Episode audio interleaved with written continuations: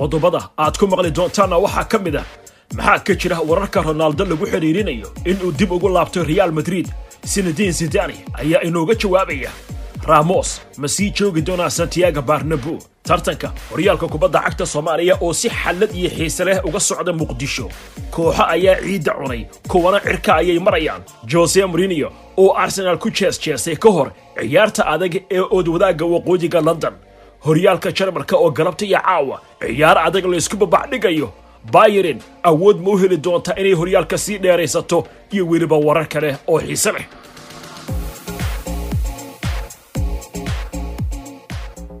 Aan ku bilaabe tababaraha kooxda tottenham jose morinio oo weligiisba dhagaka hadal jees jees iyo hadalla maskax daalis ah ku hayn jiray arsenal haba ugu darnayd xilligii arsen venger uu leylinayey ayaa hadda hadal cusub uu ka soo yeedhay morinio hadalkiisan cusub ayaa qabsaday baraha bulshada iyo warbaahinta.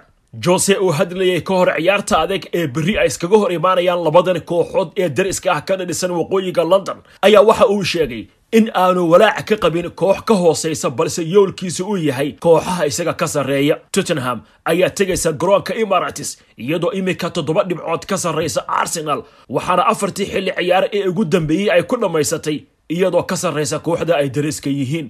Jose morinio ayaa yidhi anigu hoos ma eego. Haddii arsenal inaga sarrayn lahayd iyaga ayaan kor u eegi lahaa. Morinio intaasi oo keliya kuma simin. Dubbaha u arsenal la helaya wuxuu yidhi waxaan ka sarraynaa toddoba dhibcood. Sidaas darteed hoos uma eegayo. Tottenham waxay iminka kaalinta toddobaad kaga jirtaa shaxda kala horraynta kooxaha waxaana ay badisay shan ciyaar dhammaan tartamada iyadoo dhalisay shan iyo toban gool halka hal gool oo qurah laga dhaliyey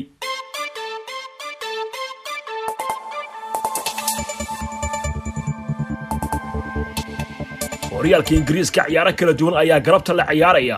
Kooxda crystal palace garoonkeeda salhasti bark waxay ku qaabilaysaa kooxda west bromwich. Evertonna waxay gurigeeda goodison bark ay ku qaabilaysaa kooxda banley manchester cityna waxay marti ugu tahay fulham hoygeeda cottage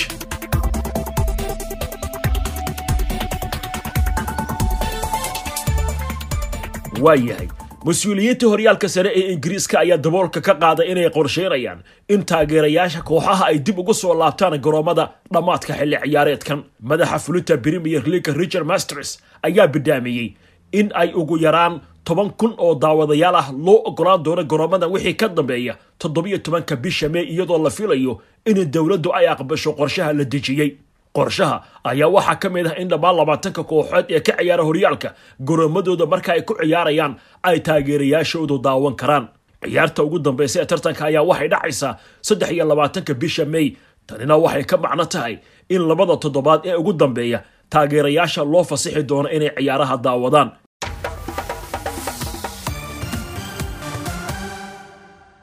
waa yahay.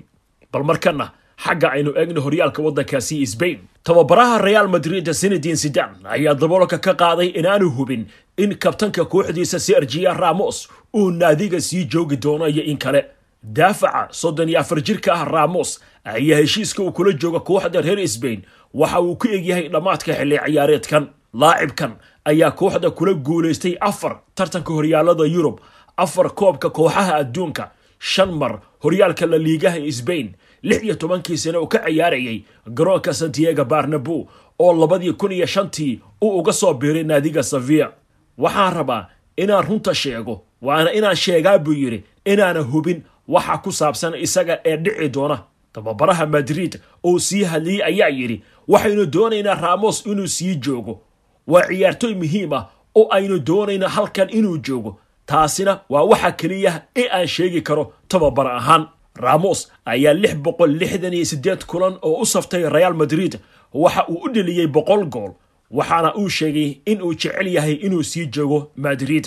Geesta kale zidan waxa uu ka gaabsaday wararka laysla dhex maraya ee sheegaya in xidigii hore christiano ronaldo uu dib uga soo laabanayo reaal madrid oo haatan sideed dhibcood ka hooseysa kooxda ay daraska yihiin ee atletica madrid ee hogaaminaysa la liigaha sbain warka ronaldo ku xidhiirinaya kooxdiisii hore ayaa soo baxay kadib markii naadiga iminka uu ka ciyaaray ee yuventus koobka horyaalada yurub ay ka saartay kooxda boorto cid kasta waa ay og tahay waxa kristiyaano ugu fadhiya madrid heerka uu ka gaadhay iyo waxa uu ka aaminsan yahay iyo waxa inagu isaga aan ka aaminsannahay wax walba uu halkani ka sameeyey waxay ahaayeen wax aan caadi ahayn ayuu yidhi zidan oo tibaaxay in iminka ronaldo uu yahay ciyaaryahan ka tirsan yuventus wax badanna aanu ka oran karin.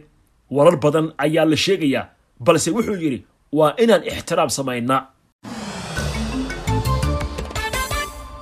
Waa yahay iminkana muqdisho. Tartanka horyaalka kubadda cagta ee soomaaliya ayaa si xallad iyo xiise leh uga socda magaalada muqdisho. Ciyaarihii ugu dambeeyeyna kooxo ayaa cirka tegey kuwana ciidda ayay cunayaan. Wararkii ugu dambeeyey ayaan ka waraystay. Weriye maxamed cumar baakaay oo ciyaaraha ka faallooda oo ku sugan magaalada muqdisho.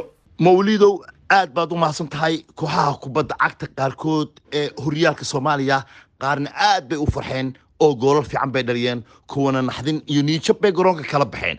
Markaan eego ciyaartii dhex martay raasan iyo hegan ayaa shalay ahayd sababtoo ah raasan guulo inay gaarto. Waxaa ku xiran in ay koobka higsato laakiin waa lagu dhegay oo kooxda hegan baa ku noqotay timir lafteeda oo dhuunta istaagtay. Ciyaartaasi raasan iyo hegan waxay ku dhammaatay eber iyo eber.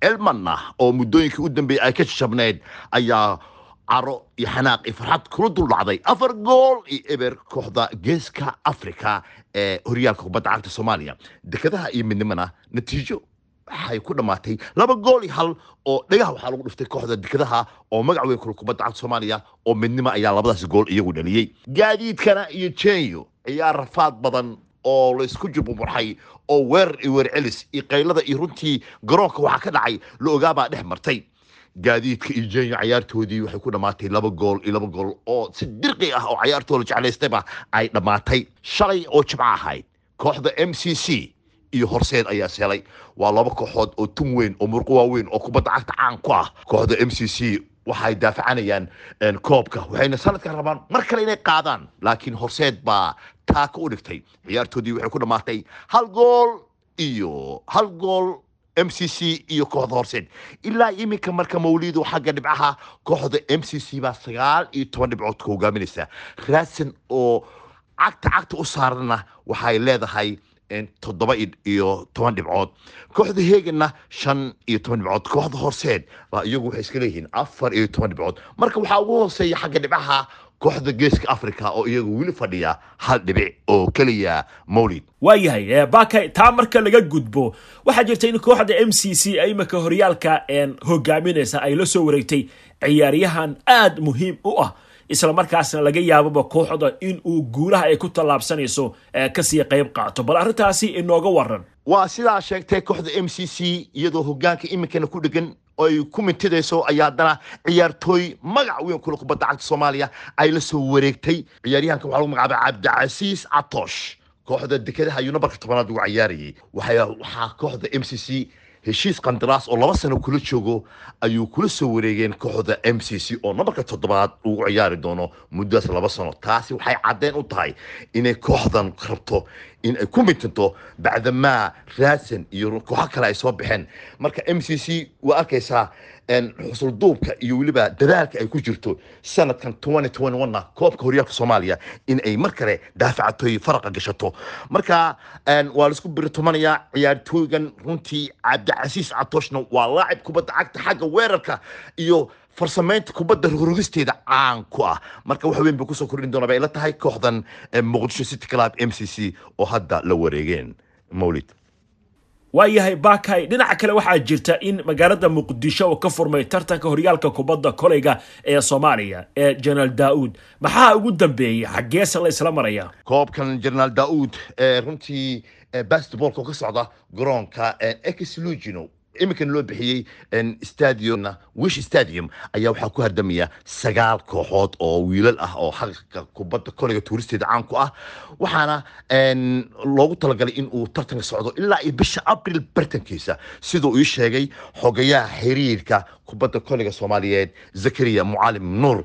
Ciyaartii lagu furan waxay ahayd ciyaarta dhexmarta dekeda iyo jubba kow iyo toddobaatan waxaa ku badiyey wiilasha kubadda koleyga ee dekadaha shalay oo jimco ahaydna ferro iyo giftin star ayaa wiilashoodii basketballka wada cayaaray. Sagaashan iyo sideed waxaa ku badiyey giftin star koobkan wiilasha kubadda koliga jenaraal daa'uudna aad buu u xiiso badan yahay mowlid aad iyo aad baad u mahadsan tahay kaasina wuxuu ahaa weriye maxamed cumar baakaay oo ku sugan magaalada muqdisho.